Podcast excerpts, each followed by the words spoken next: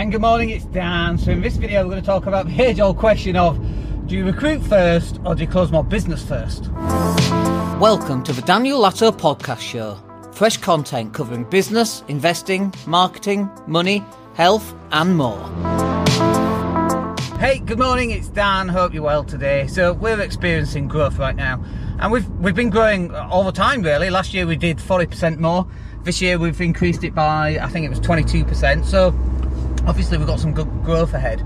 Uh, but uh, one of the problems with growth, of course, is that you need more resources to fulfill the the work that you're doing for clients. So for our digital marketing agency, that means we've got to recruit more English people, basically, uh, native English speakers who understand England, and um, obviously that's really expensive. So we're into this age-old question of uh, what do we do? Do we wait until we have enough business coming in to be able to afford that, by which time it's probably too late for them to get up to speed?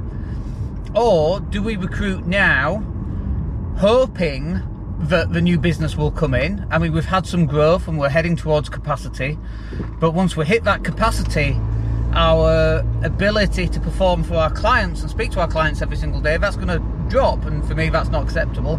And as it should be, you know, clients come first.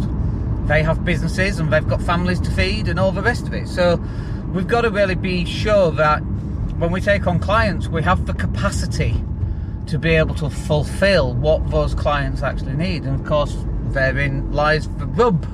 There's the problem. What do you do first? And I think really there's only one way to do this, and that is that you've got to you got to recruit staff. Uh, so what it means is that uh, what it can mean is that sometimes I might have to take a pay cut, or we stop investment in other places in our business, cut back on a few of the pieces of software that we use, in order to hire the person, pay them obviously, that's really important, and then to be in a position so that when these new clients do come on board, uh, which could be today or tomorrow or next week or next month. We don't really know because that's the nature of the business. One of the good things, however, is that when we do take on a client, usually they stay with us for either quite some time or all the time. It's very rare that we actually lose a client. And if we do lose a client, it's because of, I don't know, there's all sorts of reasons why we can lose a client. Uh, but not normally something that we've done because our systems and processes for helping them create content, get content out, add to the website, create landing pages, drive traffic to those landing pages, get people to fill in the forms, and then generate leads. That process we've got down pretty well, frankly, and uh, we know what we're doing with that. So, so now we're into this. Okay, now we're into the fun games of recruiting uh, for UK-based people, which is always a nightmare, quite frankly. Um, having under lettings agency, which was sold 12 years ago, just recruiting, and then the whole process of legal, of of um, you know getting the legals in place and making sure they're looked after, and if you say boo to them, that they're not too upset, and all of that kind of thing, which you know.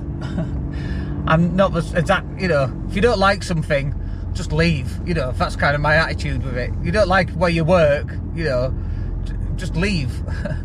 um, but, um, so that's where we're at. So pretty interesting stuff, and we'll see where we're uh, up to with that um, over the next few days, really. And, uh, but exciting times because we're in this position that we've not been in for quite some time um, of recruiting additional people. Anyway, we're at CrossFit and I'm late, so I'll speak to you on the next video. Take care.